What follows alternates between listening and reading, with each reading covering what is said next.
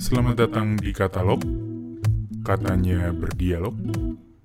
Terima kasih sudah mau hadir untuk mendengarkan diskusi kami. Semoga bermanfaat dan selamat mendengarkan. Jalan-jalan ke Tanah Abang, pulang-pulang beli cilok. Halo abang-abang, selamat datang di Katalog. Katalog katanya berdialog. Mantap. Yeay. Hehehe. Eh, BTW, eh sorry cilok itu belakangnya kak. Kalau lo mau G atau di cilok. Habis udah udah kehabisan ide mau pantun. Mungkin teman-teman Iya. silahkan bisa di komen apalagi yang belakangnya ada GG-nya. Oh, oh, biar supaya kita ada stok pantun lainnya teman-teman. Betul Oh banget. iya, teman-teman. kembali lagi di Halo. Bersama gua Abioga. Gue Marwantor. Marwan Tor, baik. Dan gua Raffi Muhammad nggak pakai Tor. Oke. Jadi Tor Raffi Muhammad apa Raffi Tor Muhammad? Waduh, kurang tahu formasinya gimana tapi nggak ada Tornya. Jadi sekarang kita masuk ke sebuah segmen yang emang baru kita ciptain tadi banget ya. Betul. Ini segmen yang Iya, spontanitas, Apa tuh? Yang spontan. Uhuy. Jadi kita menamakan nama segmen ini adalah Katantang. Ini kita mendapatkan tantangan pertama dari Muhammad Lutfi Marwanto, di mana dalam waktu singkat kita berusaha untuk brainstorming terkait sebuah isu yang mungkin memang udah lewat, tapi sebenarnya perlu kita berikan penjelasan kepada teman-teman semua kenapa sih sempat ramai lagi gitu. Betul. Jadi Betul. Apa? tadi gimana ya? Kita lagi tiba-tiba ngomong, oh iya nih ada eh, masalah ini isu ini, terus kita oh asik kali ya kita bahas. Terus dalam waktu kayak dua jam kali ya dua jam kita mendalami, terus ah ini udah kita sikat aja nih. Jadi kita mendapatkan tantangan pertama dari Wanto terkait isu RUU Minerba. Ya kan? yang Jadi udah jadi UU betul. Jadi uh, back story dulu nih buat teman-teman pendengar. Jadi pada 11 Mei yang lalu itu ada rapat pembahasan RUU Minerba untuk pengambilan keputusan tingkat satu. Nah, nanti keputusan tingkat satu itu untuk apa? Untuk dibahas di hari berikutnya di tanggal 12 Mei. Di tanggal 12 Mei itu ada rapat paripurna untuk pengesahan RUU Minerba dan buat teman-teman semua, sebenarnya RUU Minerba ini udah sempat menjadi apa ya hal yang ramai baik di tahun 2018 dan di tahun 2019 itu juga termasuk menjadi RUU bermasalah yang ditolak oleh aksi re- reformasi di korupsi pada September 2019 dan mungkin kita bisa ngambil kesimpulan bahwa apa benar sih DPR ngambil kesempatan di masa-masa corona ini untuk ngambil momentum ah semua orang di rumah aja nih yaudah kita sahin aja deh RUU Minerbanya gitu. Kita nggak kita nggak tahu juga ya. Tapi ya oleh karena itu kenapa akhir-akhir sempat ramai lagi dan kita mau ngangkat isu ini kepada para pendengar untuk kita berikan eh, sedikit mungkin bisa dibilang pencerdasan dari hasil diskusi kita ya Iya, betul Nah, banget. Betul banget. Kalau dilihat tadi kayak kata yoga kan kenapa Vi? betul banget nih. Kayak tadi yoga bilang ini pencerdasan aja sih sebenarnya. Tapi kalau dilihat dari kata-kata yoga tuh, kalau yoga tadi kehabisan ide untuk pantun-pantunnya, ini DPR seakan tidak kehabisan ide untuk memberikan kejutan satu demi satu bagi rakyat Indonesia.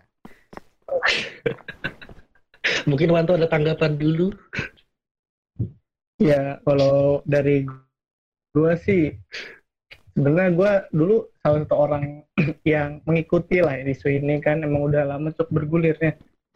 Uh, dan sempat juga ikut pas masalah yang reformasi di korupsi, gue nggak nyangka aja gitu kayak tiba-tiba nih ada satu dewan nih uh, yang maksudnya terakhir lagi yang dia lagi kesulitan akses dan sebagainya, terus kok tiba-tiba diketok. Karena kalau kita flashback juga masa agak gitu kan ya, dalam eh, istilahnya proses pembentukannya sampai proses pengesahannya. Yang kayak yang seperti naskah akademiknya emang kalau nggak salah ya belum ada di website DPR lalu juga ini ada beberapa permasalahan terhadap eh, carry over-nya karena ini juga salah satu U yang di carry over artinya tidak perlu dibahas dari awal tapi sebenarnya nggak memenuhi syarat juga dan ini dalam waktu singkat beberapa hari kemarin ya tiba-tiba udah diketok gitu kan Mm-mm. Tapi eh, kalau menurut Ketua Komisi 7 DPR RI, Pak Sugeng Suparwoto, eh, dia tuh beralasan bahwa Belet ini adalah inisiatif DPR dan pada eh, periode 2019 sampai 2024 ini pimpinannya Bu Puan Maharani ini termasuk dalam prolegnas prioritas program legislasi nasional yang diprioritaskan. Salah satu adalah RUU Minerba ini. Jadi kurang lebih gitu sih untuk backstory-nya. Nah, dari hasil eh, apa-apa saja yang udah kita cari, jadi gini teman-teman, Eh, dari hal-hal yang diangkat oleh Jatamnas ataupun kita ngambil beberapa eh, kajian, kita bisa ngambil ada tiga kesimpulan dampak yang dihasilkan dari RUU Minerba. Kita yang pertama dulu. Yang pertama, ada kerus ada dampak berupa kerusakan dan pencemaran lingkungan akibat aktivitas pertambangan minerba yang diturunkan dari kajian terhadap yang pertama, pasal 4 yang membahas bahwa izin pertambangan itu akan diubah dari yang tadi izin oleh pemerintah daerah diubah ke pemerintah pusat. Yang kedua nih, ada pasal 45. Jika terdapat mineral lain yang tergali dalam satu masa royalti, maka mineral lain tersebut tidak terkena royalti. Terus, ada juga nih, dihapusnya pasal 165. Pasal 165 itu isinya tentang sanksi pidana bagi pejabat yang menyalahgunakan wewenangnya untuk memberikan izin pertambangan. Dan mungkin uh, kedua terakhir bersinggungan dengan perpanjangan izin. Ada pasal 83 di mana IUPK operasi produksi batubara yang terintegrasi dengan kegiatan pertambangan, maaf, kegiatan pengembangan dan atau pemanfaatan batubara dari jangka waktu 30 tahun dapat perpanjangan 10 tahun. Dan yang terakhir pasal 199A ayat 1 di mana akan ada perpanjangan otomatis KK dan PKP 2B uh, menuju ke IUPK. Mungkin kita bahas satu-satu dulu ya.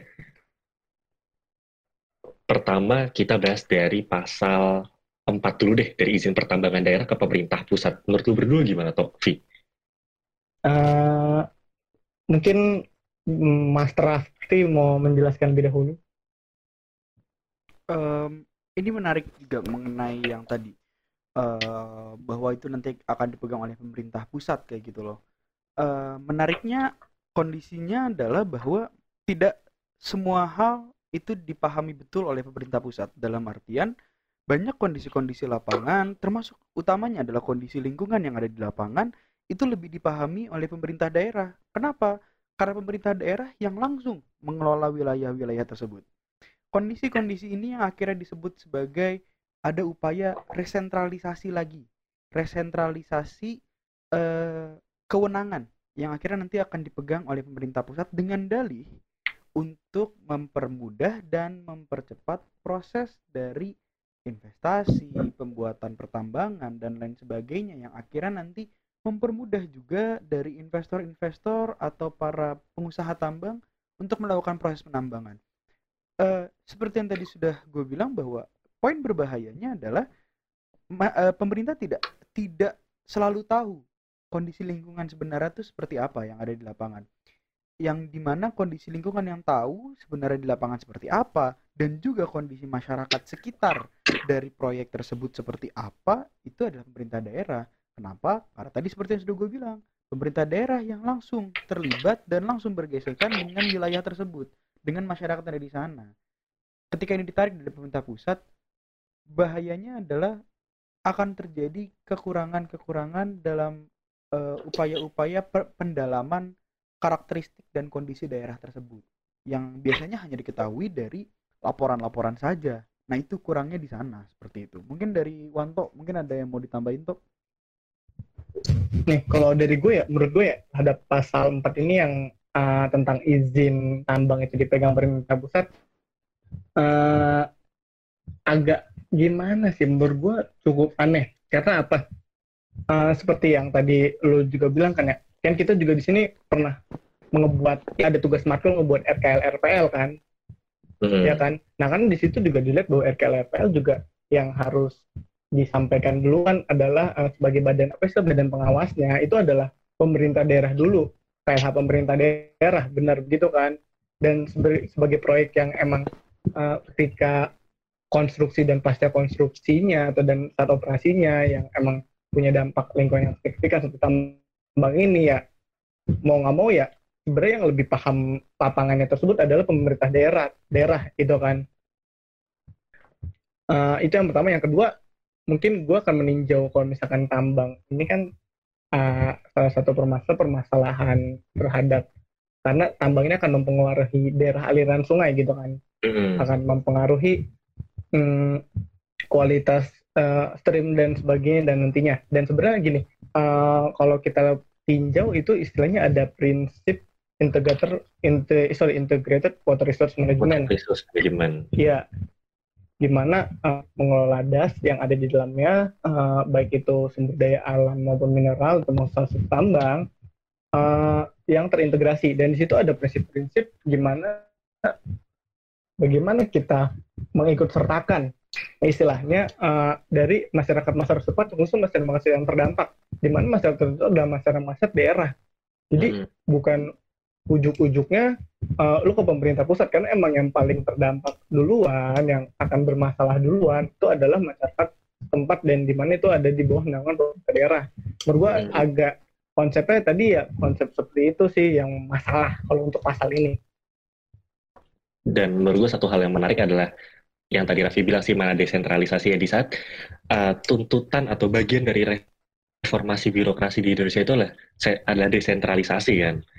Benar-benar. Dan masalahnya ketika kewenangan di daerah aja menurut Jatamnas itu masih banyak yang bermasalah. Nah, apalagi ini masalahnya berupa kesenjangan dengan rakyat. Ya. Apalagi ini kalau misalkan kewenangannya ada di pemerintah pusat, mungkin gap itu akan semakin jauh Betul. Di saat oleh pemerintah daerah aja udah udah udah banyak DP gitu loh.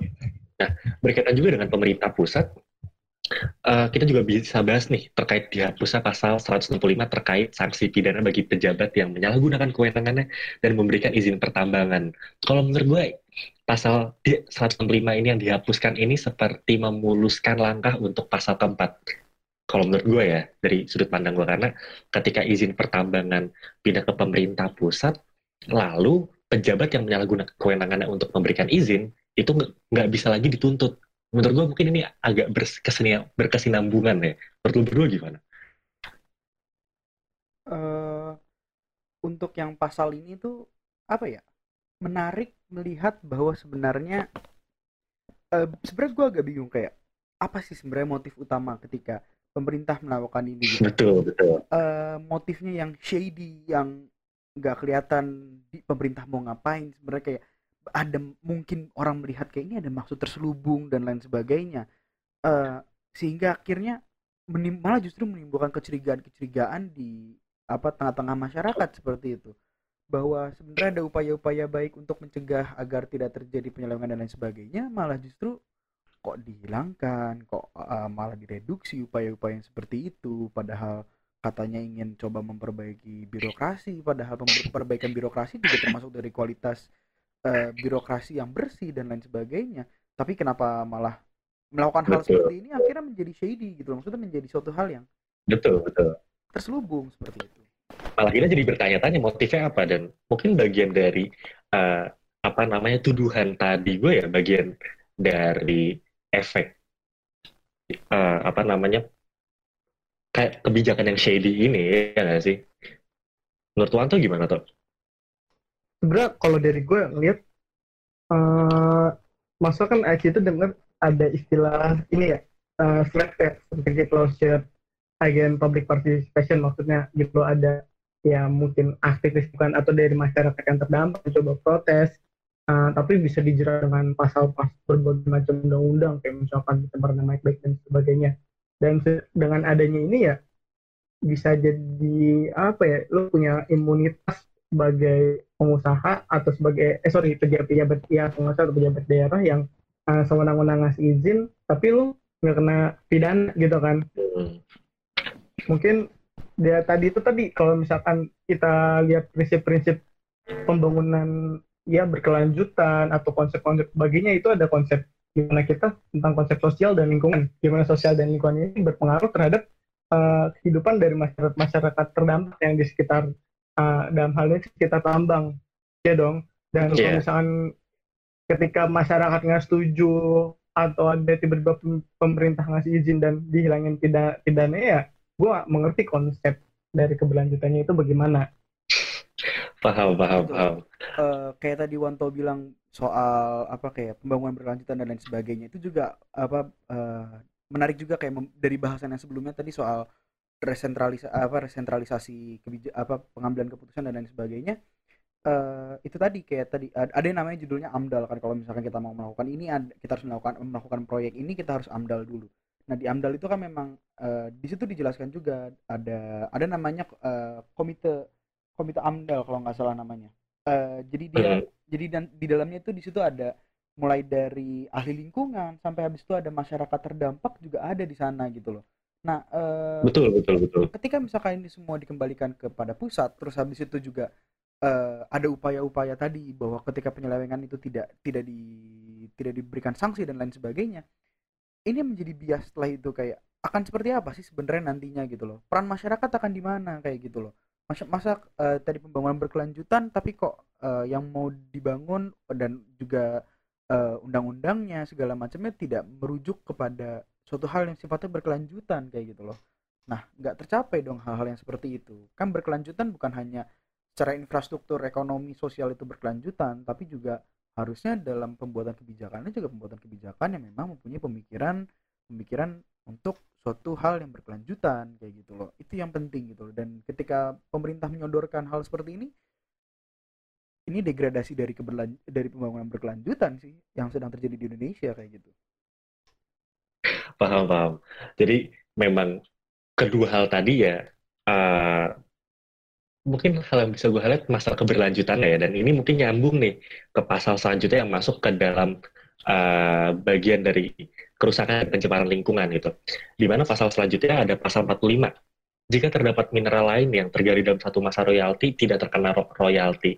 Menurut gue di sini eh, ngomongin masalah keberlanjutan, ketika ada ya pasal ini, ketika memang nanti ada proses penggalian lalu terdapat mineral lain yang ikut tergali dan tidak terkena ro- royalti, menurut gue titik keberlanjutan nggak ada karena ada potensi untuk eh, melakukan eksploitasi berlebihan menurut gue dengan ada pasal ini.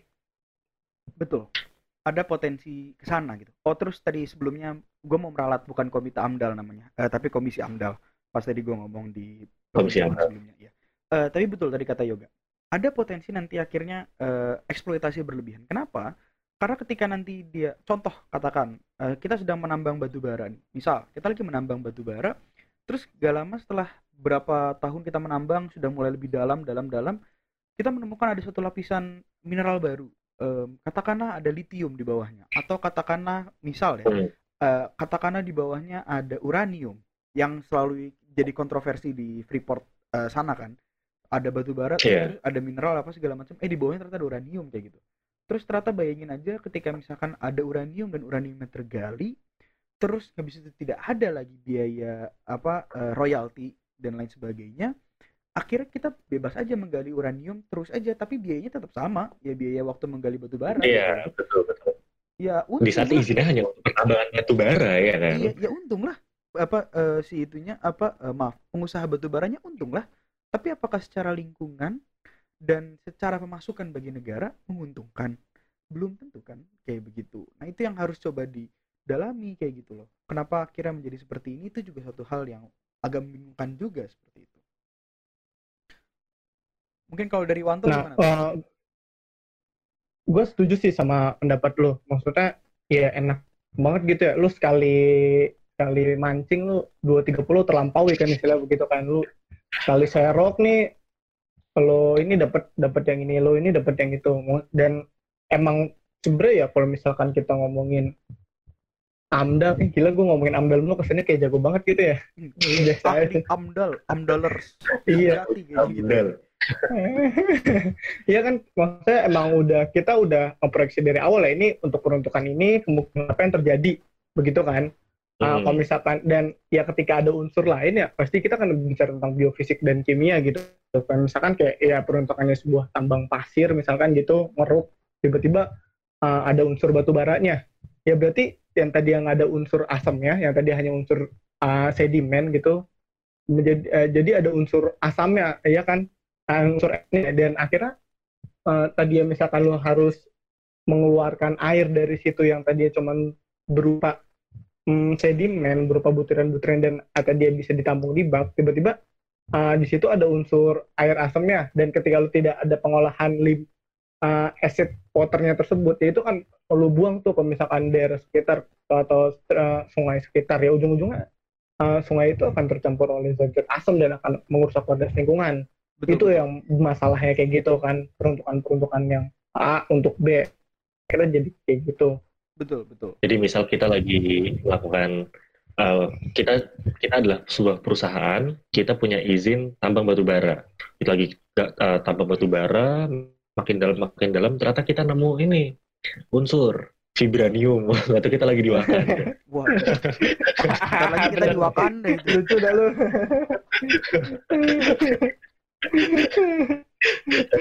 Tapi ngomongin soal uh, apa namanya ngomongin soal batu bara ya. Jadi uh, kita bahas pasal selanjutnya di mana pasal 83 uh, isinya nih IUP IUPK operasi produksi batu bara ketika dia terintegrasi dengan kegiatan pengembangan dan atau pemanfaatan batu bara maka jangka waktunya yang uh, 30 tahun itu bisa dapat perpanjangan 10 tahun di satu sisi gue melihat pasal ini ada sisi positifnya jadi ketika lu menambang batu bara lu nggak cuma menambang batu bara gitu tapi juga harus ada kegiatan pengembangan dan pemanfaatan di dalamnya. Tapi uh, kalau menurut lu berdua gimana terkait pasal ini? Coba mungkin dari dari Wanto deh. Dari tadi kan kayak gue terus yang mulai di awal coba mungkin Wanto nih. Kayak Wanto banyak banget soalnya nih yang mau diomongin di bagian ini nih. uh, kan biar biar keren gitu ya mungkin bisa diulang kali uh, bunyi-bunyi masalah iya ya gitu jadi pasal 83 isinya itu UPK operasi produksi batu bara ketika dia terintegrasi dengan kegiatan pengembangan dan atau pemanfaatan batu bara maka dia diberi jangka waktu 30 tahun plus perpanjangan 10 tahun kalau menurut gua pasal ini ada sisi positifnya di mana ketika lo menggali batu bara, maksudnya lu melakukan operasi pertambangan batu bara, ketika itu dibarengi dengan uh, kegiatan pengembangan dan atau pemanfaatan juga, menurut gue ada sisi positif ya. Tapi mungkin hal yang bisa, kalau menurut gue hal yang bisa kita uh, kritisi di sini bagaimana jangka waktu yang begitu panjang, yang 30 tahun plus perpanjangan 10 tahun, menurut gue bisa terjadi sebuah monop di dalamnya ketika memang itu hanya dikuasai uh, oleh satu pihak aja. Kalau menurut lu, lu gimana tuh? kok anda sotoi sekali ya? Anjay. Waduh. Kan di tempat gua. Ya kita kita ini gua, gua kenapa kita ngerasa kayak mungkin kalau yang denger nih wah nih kayaknya ini lagi duduk dalam satu bangku gitu ada yang sambil monitorin. Padahal kita paling lagi di rumah yang ada pakai sarung doang. Ada ambil tidur tiduran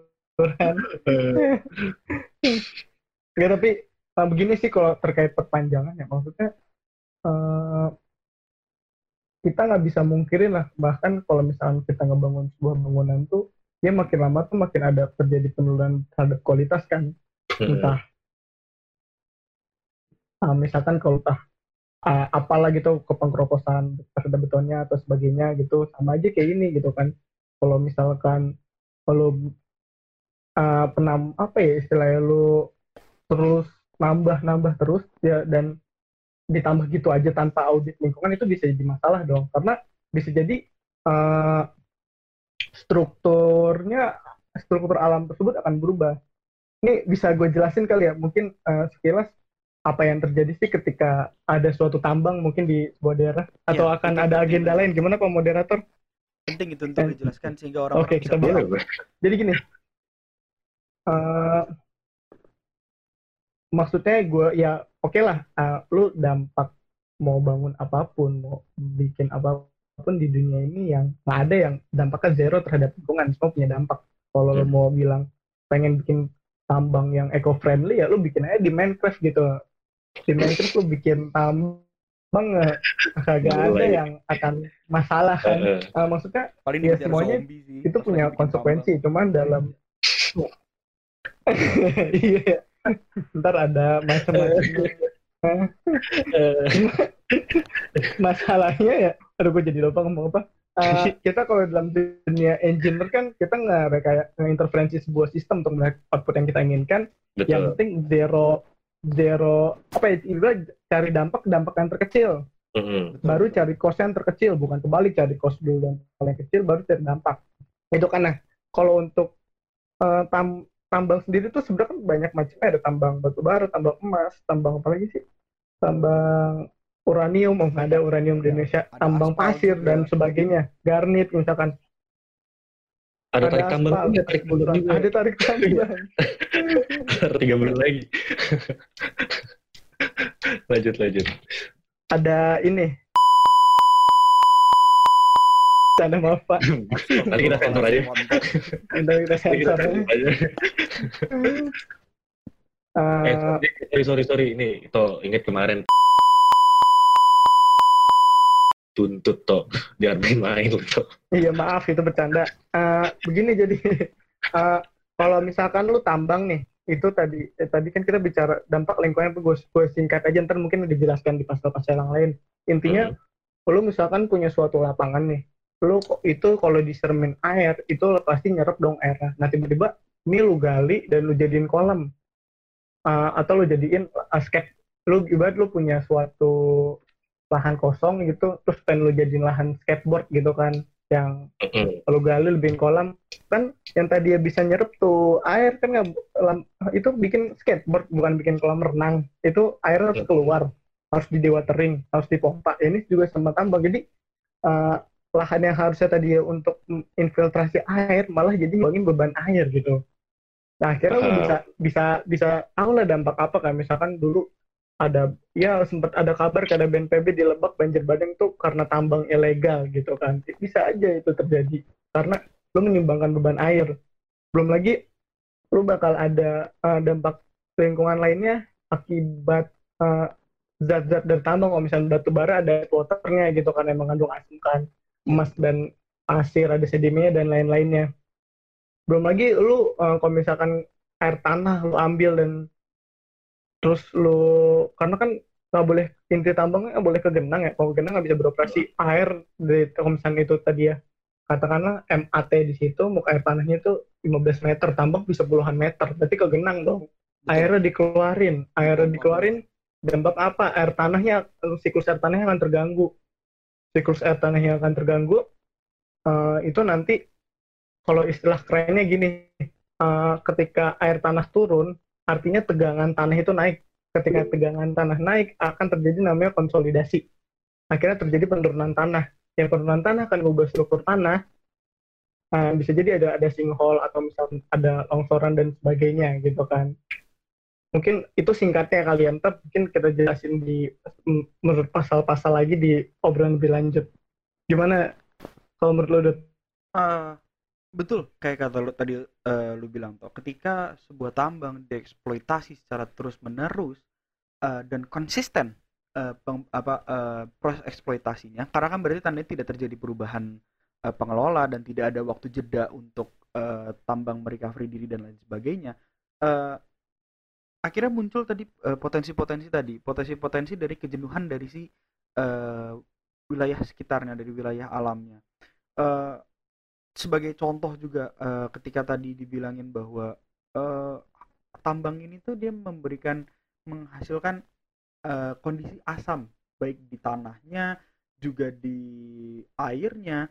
Nah kondisi asam ini yang diakibatkan oleh air asam tambang sebagai residu hasil dari proses penambangan itunya itu nanti itu nantinya dapat memberikan dampak negatif bagi lingkungan.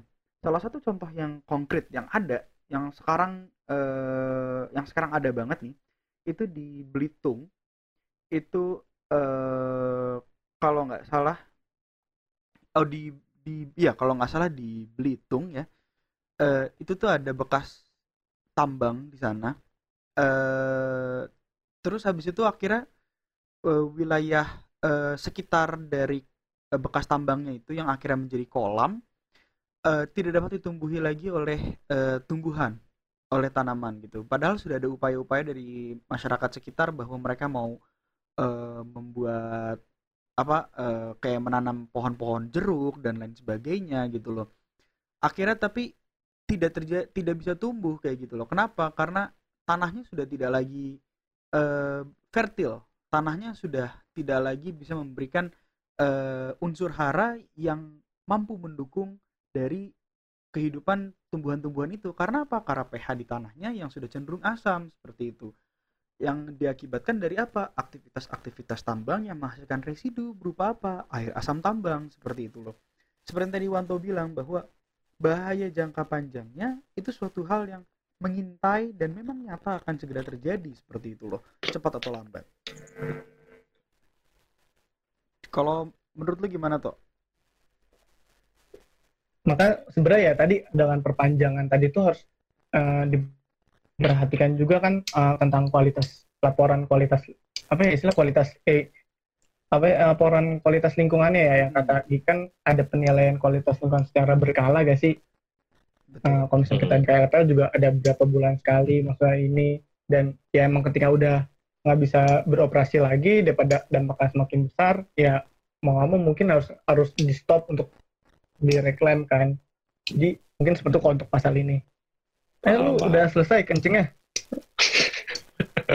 Dibahas. Enggak mungkin teman-teman uh, teman-teman uh, tadi ya kita di sini masih percawa awal kalau misalnya ada satu kencing ini bisa uh, berhenti. Untuk itu kita butuh teman-teman supaya ngasih sponsor ke kita. Jadi kalau ada teman kita kencing daripada kita kohot kita nayangin iklan teman-teman.